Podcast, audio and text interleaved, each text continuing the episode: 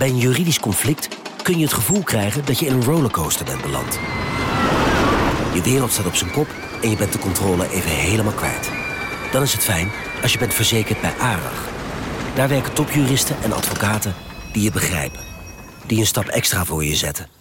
En je het gevoel van controle teruggeven. Met kennis en informatie, met heldere uitleg en met gericht advies. ARAG, juridisch probleemoplossers. Een maatschappij waarin iedereen meedoet. Een gezonde, groene en rechtvaardige wereld. Daar willen jij en heel veel andere mensen best iets aan bijdragen. In het klein en in het groot. Dicht bij huis en ver weg. Zo hebben we vorig jaar 349 miljoen euro bij elkaar gebracht. Miljoenen waarmee onze goede doelenpartners de wereld elke dag een beetje beter kunnen maken. Nationale Postcode Loterij. Samen voor een betere wereld.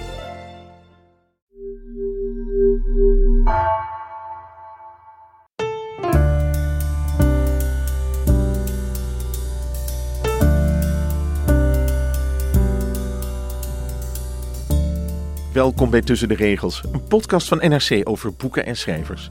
Mijn naam is Michel Krielaars en je luistert naar de zesde aflevering van een serie over boeken die de wereld hebben veranderd.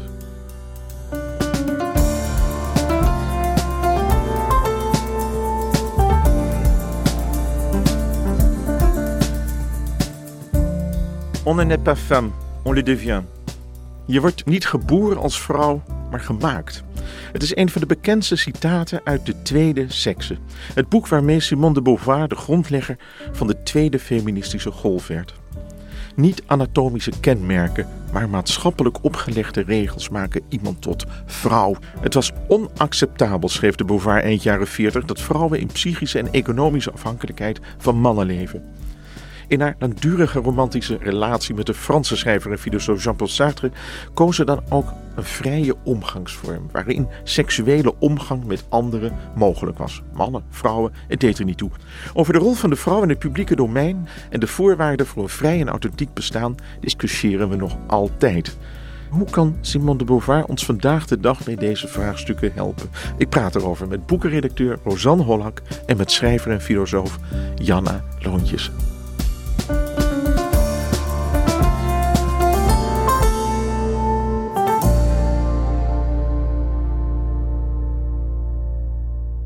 Om maar meteen met de deur in huis te vallen, wat moet de luisteraar weten over en van Simone de Beauvoir? Wanneer is ze geboren? Moeten we haar plaatsen? Wat deed ze behalve dat schrijven van de tweede seks in 1949? Nou, Simone de Beauvoir is eigenlijk een van de belangrijkste filosofen en schrijvers hè, van Frankrijk van de vorige eeuw. Um, en ik wil ook benadrukken dat ze dus ook romancier was. Want ze is vooral bekend geworden als feministe, als filosoof, als existentialist. Maar ze schreef prachtige romans. Ze is ook gedebuteerd met een roman.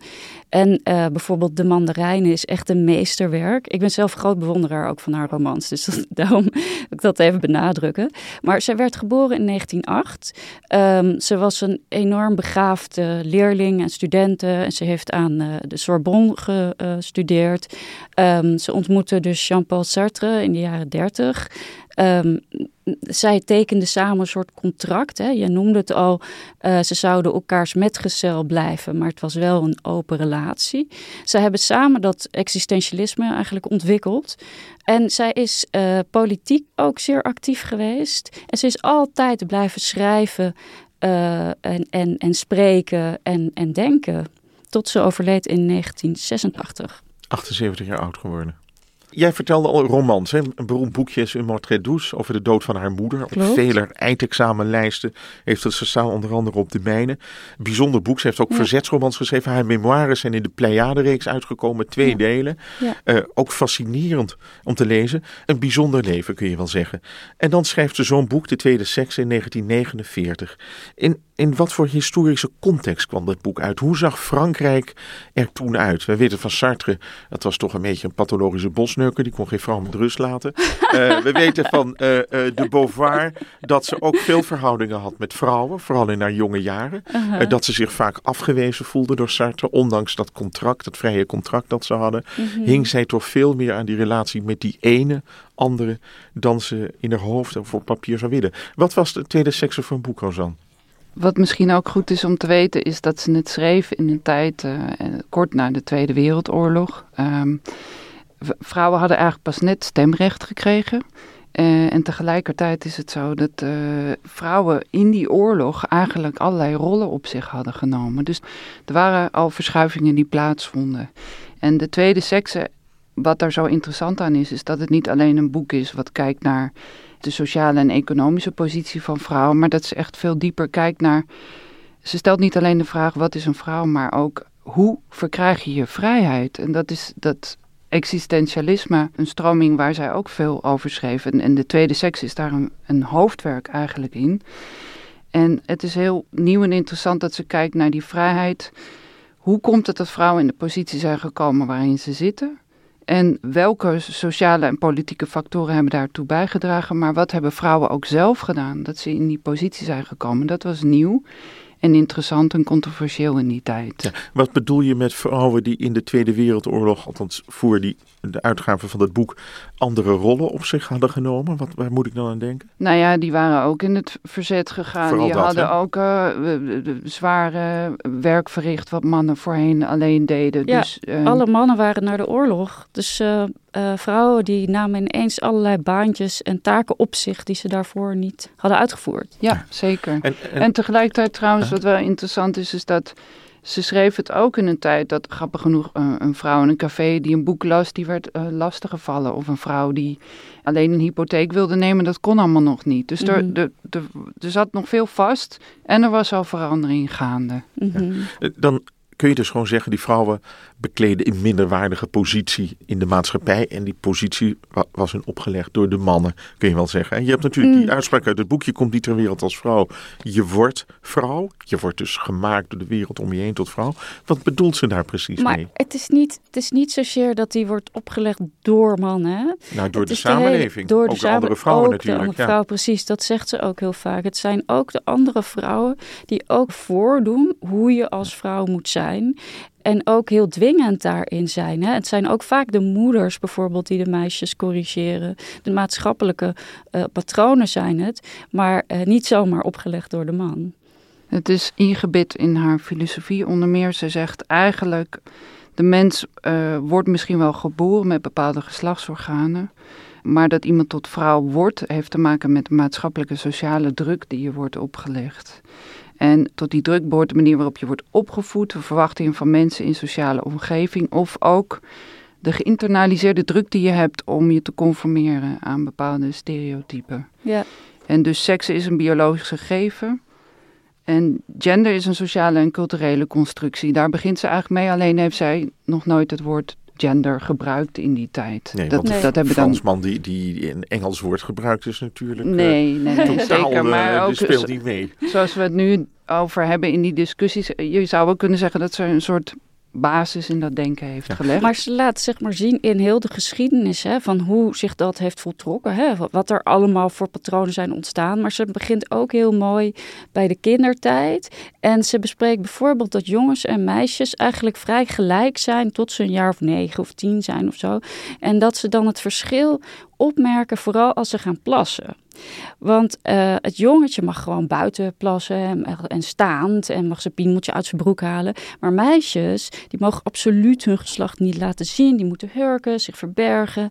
En daar zegt ze van, daar begint het al. Van, ze worden geleerd zich te schamen uh, voor hun lichaam vooral. En sowieso zich te schamen, bedeesd te zijn, zich te verbergen. En dat wordt nog versterkt als ze ongesteld worden, dus met de menstruatie. Dus daar begint het al. En daar wordt hen geleerd van, dat betekent het om vrouw te zijn. Om je dus een beetje weg te cijferen, om je te schamen en uh, om bedeesd te zijn. En, ja. Denk je eigenlijk dat, dat zij uh, daar echt nieuw mee was? Dat ze, dat ze zo diep inging in, in hoe kinderen zeg maar opgroeien? Het is ook echt een soort psychologie die ze ook uh, mm -hmm. eigenlijk beschrijft. Dat mm -hmm. vond ik heel, heel interessant toen ik het las. Ik dacht, jeetje, was je ga je zo zorgvuldig te werk. Je bent helemaal echt stap voor stap aan het kijken hoe een vrouw een vrouw wordt. Ja, ja. ik denk zeker dat ze daar, daar nieuw was.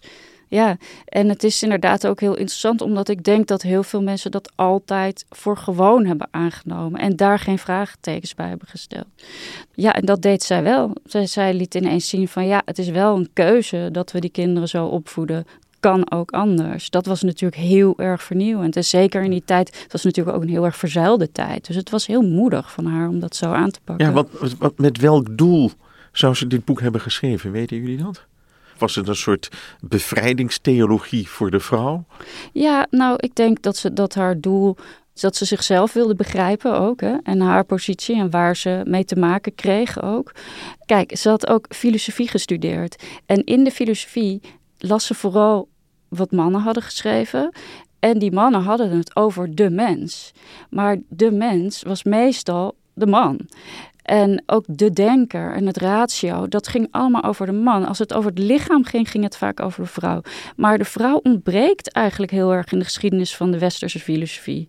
Dus het was totaal vernieuwend om daar een boek aan te wijden. Dat was echt nog nooit gedaan. Dus en ik, ik denk eigenlijk ook, ik zou wel willen aanvullen dat, dat zij op haar manier het existentialisme, wat uh, destijds in zwang was, uh, nog veel meer is gaan verfijnen. En, uh, dat, dat existentialisme, dat is altijd zo'n term die kom je overal tegen. Wat is het nou precies? Breng dat eens tot de kern terug. Ja, dan zou ik zeggen twee dingen. Kijk, het existentialisme begint altijd bij het concrete leven. Elke persoonlijke ervaring kan eigenlijk een begin vormen voor filosofisch denken.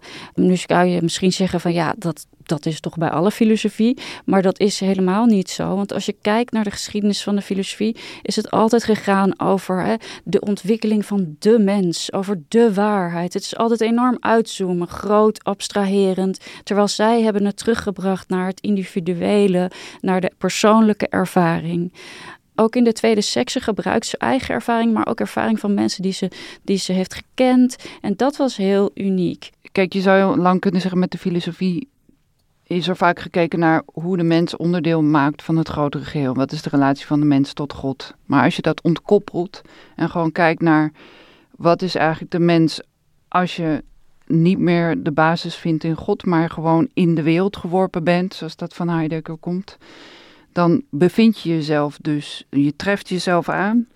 En uh, dat bestaan heet existentie dat aantreffen, maar de essentie van hoe je dat gaat vormgeven, dat is aan jezelf. En dat zijn keuzes die je zelf kan maken en die zijn niet helemaal bepaald. Dat kan je zelf doen. Je kan zelf vormgeven aan je bestaan. En dat was in die tijd gewoon, ik denk ook mede door de invloed van de Tweede Wereldoorlog en alles wat er was gebeurd. Er was een, had een bepaalde ontgoocheling ook plaatsgevonden.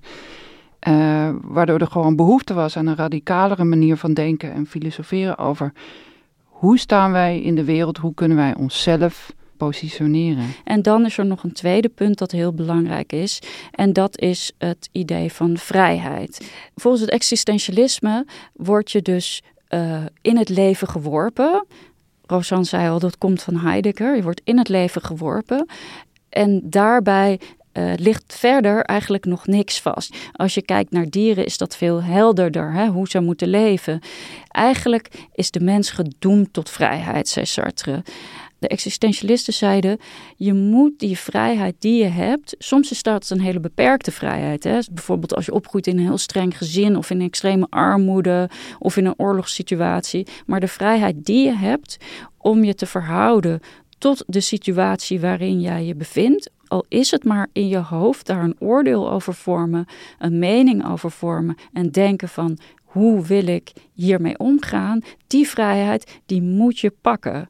En dan is het ook nog eens zo dat als je dat doet en je maakt een keuze tegen de sociale verwachtingen in, dan zeg je daarmee ook van hoe je vindt dat je zou moeten leven. Je geeft daarmee ook een soort voorbeeld voor anderen om niet te trouwen.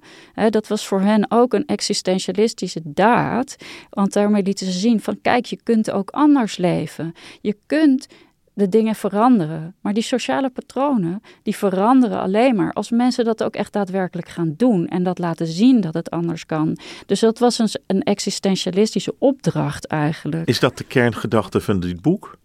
Dat zit eronder uiteindelijk, denk ik, in hoe zij kijkt naar Kijk, ze zegt dat vrouwen zelf ook eraan bij kunnen dragen om zich in de vrouwenrol te blijven bevinden. En, en, en, en het is aan een vrouw ook om de keuze te maken om, om eruit te stappen, om als echt vrij persoon andere keuzes te maken. En dat is een, ja, dat vindt ze ook dat, dat de mens daar een verantwoordelijkheid uh, uh, voor heeft. En het heeft zelfs ook een ethische dimensie, want ze zegt gaan ontdekken wie je bent en ervoor staan betekent niet alleen maar ik ga lekker doen wat ik wil. Uh, en het is geen egoïstische trip. Je behoort ook rekening te houden met de anderen in de wereld. Je hebt verantwoordelijkheden en dat komt nog heel erg uit die Tweede Wereldoorlog voort. Want bedoel, zij heeft gezien wat het fascisme deed en hoe mensen onderdrukt kunnen zijn. En haar filosofie is ook tegen die onderdrukking in. Van hoe kunnen mensen zelfstandig staan en voor zichzelf staan. En dat, dat zit er in die tweede sekse is dat ook de boodschap aan de vrouw. En daarin verschilt ze van een filosoof als Albert Camus, die het heeft over de absurditeit van het leven. Zij zegt dus gewoon: je kunt het zelf bepalen wat je gaat doen, je moet verantwoordelijkheid nemen. Je moet je Nou, leven inrichten. Ja, deels. Want kijk, meestal, we zijn heel erg gewend om doelmatig te denken. Hè? Weet je, je maakt een kast en je weet dat je die maakt om je boeken in te zetten. En ook, dus objecten hebben altijd een doel voor ons. Maar ook dieren weten heel goed hoe ze moeten leven. Maar mensen worden geboren en eigenlijk kan het leven nog alle kanten uit.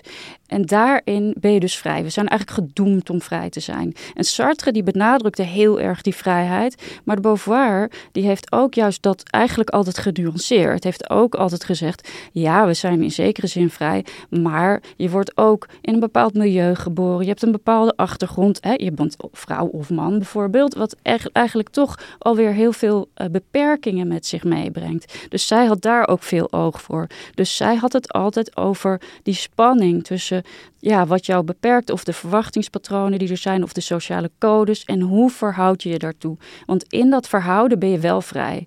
Maar het vraagt heel vaak om heel veel moed om daar dus iets anders mee te doen dan wat bijvoorbeeld jouw omgeving of je ouders van je verwachten. En zij spoort wel heel erg aan tot die moed.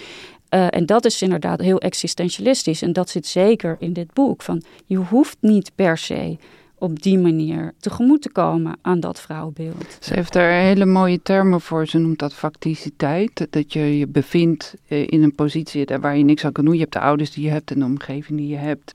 Maar daar kan je bovenuit stijgen. De transcendentie noemt ze dat. En heel simpelweg kan je zeggen, pff, je wordt geboren in een Engelstalig land. Dat betekent niet dat je Frans kan gaan leren. Weet je, je zit niet vast in... Het is even een simpel voorbeeld, maar je kan jezelf dus ontwikkelen al naar gelang wat je voelt dat past bij wie jij bent en waar je hoort te staan en wat je verantwoordelijkheid is in de wereld. Je hoeft niet vast te blijven zitten in een relatie waar je krampachtig en ongelukkig in bent en uit angst om de grote vrijheid tegemoet te gaan, uh, dan maar niet uit die relatie te stappen. Dat soort praktische invulling zou je kunnen geven aan waar ze over schrijft. Nu komt zij zelf uit de, uh, de katholieke haute-bourgeoisie in de provincie. Zij moest het dus echt losmaken uit een heel conservatief milieu. He, hebben jullie ook het gevoel dat ze uiteindelijk zelf wel uh, die, die authenticiteit en die vrijheid heeft bereikt in haar leven? Of is het iets heel cerebraals? Nou, vind ik niet. Ik vind hoe zij heeft geleefd is toch heel erg uh, moedig om als vrouw zo, hè, ook bijvoorbeeld dat contract met Sartre, je kunt er van alles op uh, aan, aanmerken. Um, maar het is wel heel moedig voor die tijd om te zeggen: ik kies voor een open relatie. Hoe, hoe was die verhouding? We weten er is een enorme liefdescorrespondentie, zoals in Nederlands, twee delen, privédomein. Eh, Castor en, en Pollux, geloof ik. Ja, hij noemde haar Castor, toch? Ja, ja. brief aan Castor ja. heet dat, ja. een, een van die delen ze waren heel hecht, heel intellectueel. Uh, maar hoe was je, je noemde het al, dat contract dat ze hadden, dat ze een soort vrije relatie zouden hebben, maar ze waren ook heel hecht met elkaar verbonden. Mm. Kun, kun, je dat een beetje duiden? Ik denk Jana? dat ze vooral geestverwanten waren. Dus ze hebben elkaar altijd geïnspireerd. Ze hebben elkaars werk gelezen. Ze hebben elkaar enorm gestimuleerd. En ja, ze hebben elkaar natuurlijk ook heel erg pijn gedaan. Maar ze waren echt geestverwanten en bondgenoten. En ze hebben ook altijd hun leven gedeeld. Hè. Ze woonden niet samen. Maar ze hebben wel voor elkaar gezorgd. Simone de Beauvoir heeft ook voor Sartre gezorgd op het einde dat hij heel ziek was. Um, Sartre was trouwens heel vrijgevig. Hij onderhield heel veel mensen, ook uh, financieel. En ze deelden altijd alles. Het was ook zo dat zij hadden dat bondgenootschap. Maar er kwamen ook altijd allemaal mensen bij, hè, die ze dan ook daarbij betrokken. Um, dat was soms heel ingewikkeld, maar ze zijn daar toch ook heel trouw in geweest. Ozan? Ja, je kan het bijna zien als dat ze samen een soort wervelende kern uh, vormden. En waar een heleboel mensen omheen zoomden. Maar dat inderdaad niemand kon tippen aan het intellectuele begrip wat ze met elkaar hadden. En uh, het schijnt ook dat toen Sartre dan overleed, dat Simone Beauvoir ook echt heel stuk van is geweest. En uiteindelijk is zij ook uh, in zijn graf bijgezet. Dus uh, mm-hmm. je kan ze samen opzoeken. En het waren natuurlijk, ik herinner me nog die beelden van die begrafenis. Dat was heel Parijs was uitgelopen. Hè? Het was een soort massale demonstratie. Ja, ze waren enorme beroemdheden ja. ook. Hè? Maar eh, Simone Beauvoir heeft ook echt hele serieuze geliefden naast Sartre gehad. Hè? Nelson Algren en um, Claude Lanzmann bijvoorbeeld. Maar die moesten wel ook dan accepteren dat ze dus dat, ja, dat bondgenootschap met Sartre had. Wat ze wel lastig vonden ook. Ze wilden dus ook, ze wilden absoluut niet trouwen. Wat die uh, Nelson Algren bijvoorbeeld wel graag wilde. Maar dan stond Sartre toch op uh, ja, nummer één. En ze zullen inderdaad ook mensen pijn hebben gedaan. En het zal niet altijd makkelijk zijn geweest. En ze zullen ook alle twee jaloers zijn geweest en, en tegen elkaar hebben gelogen. Maar ze kozen daar wel voor. En ze bleven er ook aan vasthouden. En ik vind dat een ongelooflijk moedige uh, daad eigenlijk. Dus daarin vind ik haar heel vrij ook. En ze kozen daarmee heel bewust tegen het huwelijk. Mm-hmm. Wat in die tijd natuurlijk al extreem radicaal was. Ja. En dat vind ik op zich al heel moedig. En dat is een soort keuze voor vrijheid. En of het nou helemaal lukt, dat is iets anders. Maar ik vind wel dat ze het heel erg heeft nagestreefd. En ook met haar boeken. Hoe, hoe ziet zij de rol van mannen in dat concept, in die beweging? Ik denk dat uh, dat vrijheidsstreven geldt niet alleen uiteindelijk voor, voor de vrouw, maar dat ze net zo goed heeft gezien hoe mannen aan bepaalde sociale normen moeten voldoen. En van Jan jongs af aan een bepaalde rol opgedrongen krijgen. Waar zij ook mee worstelen. Volgens mij schrijft ze daar toch ook over in, ja. in de tweede sekse. Ja, en zij is ook juist heel erg voor gelijkheid hè, tussen mannen en vrouwen. Ze had heel veel mannelijke vrienden ook. Ze had juist het gevoel dat ze. Er was heel veel overeenkomsten ook juist. Dus ze wilde juist niet zozeer de verschillen benadrukken maar juist ook de overeenkomsten. Maar ze wilde laten zien van hoe je wordt opgedrongen om die verschillen te benadrukken. Terwijl dat helemaal niet hoeft. Heeft ze een navolging gehad in Nederland? Ik denk aan Joke Koolsmit. Oh ja, ik denk dat ze voor echt voor alle feministen ontzettend belangrijk is geweest. Ook in Nederland. Ja, beslist. Want ik geloof dat Joke Koolsmit uit de jaren zeventig is. Hè? Dan zijn we er alweer twintig jaar verder. Dat het mm -hmm. hier eens een beetje aanslaat. Mm -hmm. Maar ja, we lopen altijd achter. Nou ja, en ik denk sowieso, bedoel, de tweede seks is sinds het is verschenen elke keer weer opnieuw als inspiratiebron gebruikt. Nog steeds. Mm -hmm. En het heeft natuurlijk ook een enorme invloed gehad op de tweede golf van het feminisme. Waarbij zij toch echt... Uh, veel is aangehaald. En uiteindelijk is ze een bron geweest ook weer voor veel kritiek. Of hè, de verdergaande discussies die er nu zijn over gelijkheid voor vrouwen. En hoe vrouwen zich kunnen ontworstelen. Ja. Is dit toch een basiswerk waarop teruggegrepen uh -huh. wordt elke keer? Hoe, hoe ja. leest het eigenlijk? Ik zie bij jou, Janne, het is een behoorlijke pil. Ja, veel, zeker. veel woorden op één pagina. Ik zie dat jij met potlood uh, het, de hele kantijn vol hebt gekliederd met mm -hmm. aantekeningen. Voor jou is het een heel belangrijk boek. Nou ja, kijk, het, het, heeft verschillende delen. Hè. Ze, ze bekijkt van wat, hoe kun je de vrouw duiden, psychologisch, marxistisch, historisch. Hoe wordt de vrouw in, in de opvoeding? Hè? Dan gaat ze de, eigenlijk de hele loop van een, van een leven door. Ze kijkt ook naar heel veel brieven, documenten, romans. Hoe wordt de vrouw gerepresenteerd? Dus het is een ontzettend veelzijdig boek. Dus sommige stukken vind ik heel taai. Sommige stukken vind ik heel gedateerd. Sommige stukken vind ik ongelooflijk inspirerend nog steeds. Maar het is een enorm document. En het is ook, ze heeft het ongelooflijk snel geschreven. In een jaar, ja. ja het is niet het is normaal. echt niet normaal. Ze, het is meer dan 800 pagina's. Ja, zij, zij moet zo'n harde werker zijn geweest. Volgens mij zat ze echt vanaf de vroege ochtend tot avond te studeren en te schrijven. Wat jullie al laten merken, er zijn heel veel inspirerende passages. Heb jij een passage bij de hand waarvan je zegt: Dit is echt, hieraan zie je dat, ze, dat het bijzonder is wat ze heeft geschreven? Nou, ik weet niet precies van wat mij heel erg heeft geïnspireerd, maar ik had een stukje uitgekozen wat heel treffend was. Uh, wat ook nog wel herkenbaar is. Dus dat zal ik even voorlezen. Vrouw zijn betekent zich machteloos, onbenullig, passief en gedwee voordoen. Het meisje moet zich niet alleen op, opsmukken en opmaken, maar zij moet ook haar natuurlijke spontaniteit onderdrukken en die vervangen door bevalligheid en gekunstelde charme, die haar oudere seksgenoten haar bijbrengen. Elke zelfverwerkelijking vermindert haar vrouwelijkheid en aantrekkelijkheid. Dus wat zij heel duidelijk maakt, is dat het meisje, het opgroeiende meisje, wordt niet alleen aangeleerd de wereld te bekijken vanuit zichzelf, maar eigenlijk wordt haar aangeleerd om zichzelf te bekijken met de blik van de ander. En vaak met de blik van de man. Daarin moet ze het begeerlijke, aardige, gedwee meisje zijn. Dit is misschien enigszins gedateerd, maar je kunt het nog wel herkennen. En ehm, dat maakt zij heel mooi duidelijk dat vrouwen eigenlijk altijd ook die blik van de ander al internaliseren. Dus met andere woorden, je kan het zo toepassen op, op, op de huidige debatten. Absoluut, ja, zeker. Staan er lessen in die je uit het boek uh, zou kunnen leren?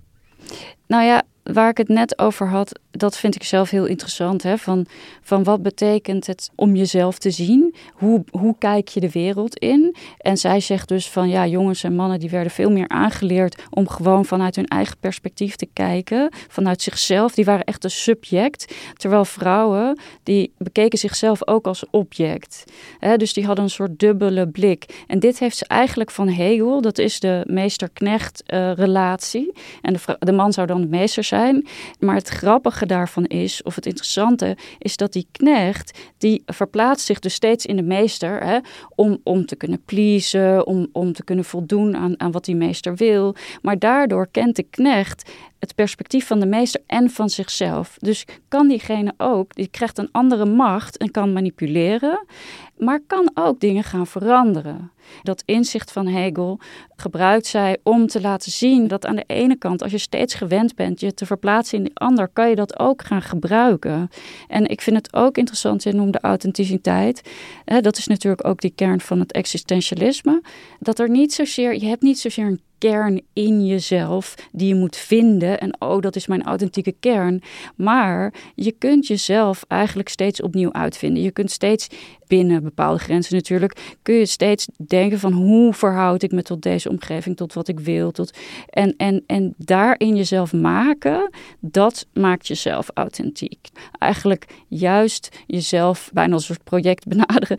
Daarin kun je je authenticiteit vinden in plaats van zoeken naar een soort authentieke kern. Wat dat betreft is het echt heel radicaal doorgedacht. En dat vind ik wel heel knap. En je zou het kunnen toepassen, dat idee van authenticiteit, op nu ook. Want je zou kunnen zeggen: oké, wij vrouwen zijn er nu wel. We werken en, en, we verdelen taken als moeder met werk samen. En, en we, we zijn uitgesproken en zichtbaar. Maar de vraag is natuurlijk in hoeverre is dat niet ook weer iets maatschappelijk opgelegd? Hè? Is dat nu wat we nu weer behoren te doen? Dus klopt het feminisme wel om het op die manier te zien? Of uh, wordt authenticiteit ook nog weer tekort gedaan in dit geval? Dus gaat het er ook weer om hoe kan je echt vanuit jezelf kijken? Wat is een authentieke keuze? In hoeverre word je nog altijd beïnvloed door de blik van de ander? Hoe kan je dat omdraaien? En dat vind ik echt superkrachtig, want dat vereist gewoon uiteindelijk heel veel moed. Mhm. En het is dus een pleidooi voor moed toen en ik zie het als een pleidooi voor moed nu nog steeds eigenlijk. Mhm. En dan denk je ook aan de vrouw die nu, de werkende vrouw van nu, die ook denkt: ik moet het wel doen, ik moet hier aan mhm. voldoen, maar ik heb ook nog die kinderen. Uh, mijn man die heeft het nog drukker, dus laat ik dat dan maar van hem overnemen. En dan heb je ook het gevoel: ik word in een bepaalde mal geduwd. Ja, dit is misschien wel weer de norm waar we nu aan moeten voldoen. En klopt dat wel? Dus blijf onafhankelijk denken iedere keer weer. Is dat de kern van het belang van dit boek? Ja, voor mij, voor mij wel. Voor mij is dit wel de kern, ja. En voor Janne? Nou ja, ook, maar ik zie het ook als een, als een historisch werk, als een, als een filosofisch werk dat ook reageert op wat daarvoor is geschreven. En ik zie haar heel erg als een wegbereider. Wat zij heeft geschreven is heel erg nodig geweest voor waar we het nu over hebben. Dus ja, en als een voorloper, ja.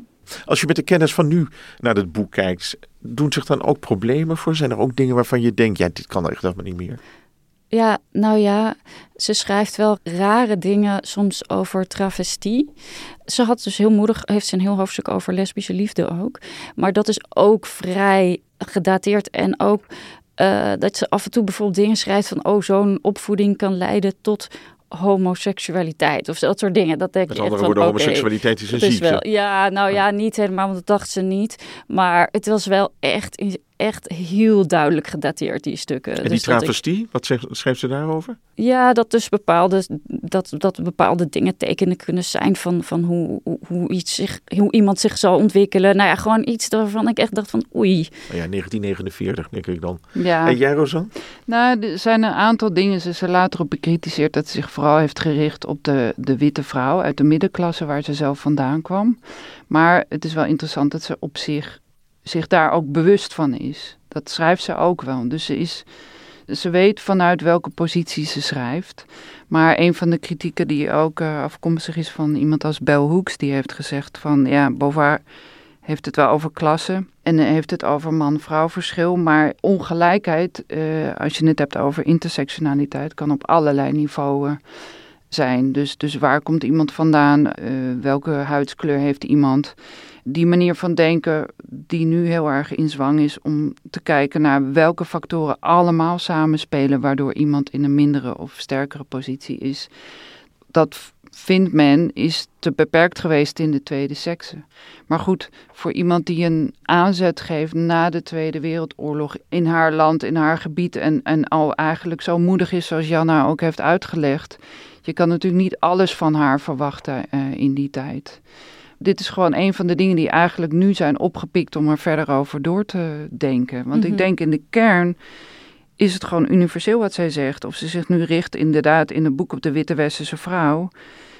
Haar ideeën bieden uiteindelijk een kader voor sociale rechtvaardigheid eh, Zeker. in het algemeen. En ze heeft het inderdaad wel Ja. over klassenverschillen. Mhm. Ja, maar het gaat om eh, zeg maar, dat al die lagen Ja, te samenkomen precies, precies. in, in Ja, hoe je naar iemand het. kijkt. Ja. Ja. Ja. Ja. En ze was natuurlijk ook een groot bewonderaar van Mao Zedong en de culturele revolutie. Oh ja, daar, daar, valt vergeven. ook, daar valt ook van alles eh, over te zeggen nog inderdaad. Over een verdediging van het communisme tot, tot heel vergaand. Ja. Kort maar krachtig, hoe heeft dit boek de wereld veranderd? Ja, het was dus echt een enorme ook schandaal eigenlijk toen het uitkwam. Het kreeg ook heel veel kritiek. Maar er waren dus heel veel vrouwen die haar brieven hebben geschreven. En die hebben gezegd van je hebt mijn leven echt veranderd. En het is dus meteen ook in heel veel talen vertaald. Hè. Het was eerder vertaald dan, dan Sartre's eh, Het zijn het niet. Het had meteen een enorm bereik. Het werd ook wel trouwens, in die vertalingen werd het gecensureerd. En daar kwam altijd een, een naakte vrouw of half naakte vrouw op de voorkant. Alsof het een soort schunnig Henry Miller, boekje was. Sexus Een Plexus boekje van 800 pagina's. Ja. Nou ja, dat kan. Maar het had een enorme invloed. Echt voor heel veel vrouwen. Ja, wat ik al zei. Het was het eerste boek dat echt ging over hoe kunnen we eigenlijk de vrouw duiden. In de geschiedenis, in de geschiedenis van de filosofie, in het denken, in de maatschappij, in de opvoeding. Al die verschillende gebieden, die heeft ze allemaal besproken. Er zijn veel jonge meisjes nu die zich daar heel veel mee bezighouden. Ook zoals mijn dochter, die zei ook van ja, menstruatie, dat, is, dat wordt nu pas een beetje besproken. Dat is toch altijd nog een taboe geweest. En mijn dochter, die is 18, die zei van ja, ik heb me daar altijd zo voor geschaamd. En nooit het al willen zeggen. En altijd, weet je, tampons of maandverband verstoppen. Niemand mag het zien. Dat soort dingen, dat, dat, dat, dat beschrijft zij. En daar wordt, dat is nog steeds een, een onderwerp. Ja, ik denk ook eh, die rollen die je automatisch maar hebt aangenomen. Omdat eh, het om je heen nu eenmaal gebruik is inderdaad om je tampon te verstoppen en er niet over te praten. We zijn eigenlijk in een tijd beland waarbij we overal nu vragen over stellen. En ook dus kijken van hoezo is het vanzelfsprekend dat je er niet over spreekt? Of je erover schaamt. Waarom eh, is het vrouwelijk orgasme iets waar we het zo weinig over hebben gehad? Want toevallig zijn er nu ook een heleboel boeken over uit die daar meer de aandacht op vestigen. Ik zie het echt als een oproep tot vrijheid en een oproep tot niets vanzelfsprekend nemen en, en tot zelfreflectie. Dat is echt uh, Mhm. wat en, zij. en, en wat Janne al zegt, hè, jouw dochter is ermee bezig. Mhm. Ik hoor ook steeds meer jonge vrouwen die het weer over dit boek hebben. Precies, precies. Die ik erover ook. debatteren, die het er niet mee eens zijn, wel mee eens zijn. Mhm. Ja. Zeker. Ja. Nou ja, en dat, dat je dat lukt 70 jaar na dato, dat is toch geweldig. Ja, dat overkomt alleen maar een, eh, een goede roman van 300 jaar geleden. Hoewel, het waren er misschien nog helemaal geen goede romans. Dank jullie wel. Dit knippen we eruit. ja.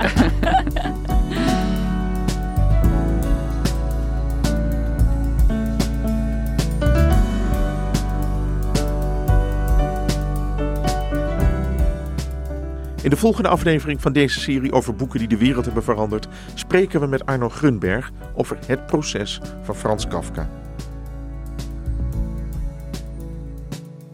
U luisterde naar een podcast van NRC. Deze aflevering werd gemaakt door Jeanne Geerke.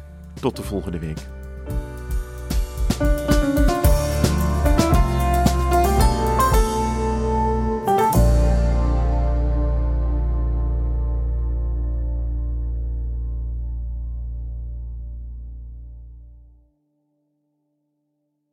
Leuk dat je naar een podcast van NRC luistert. We willen graag weten wat je van onze audio vindt. Je helpt ons enorm door via nrc.nl slash podcastonderzoek een vragenlijst in te vullen. Dankjewel.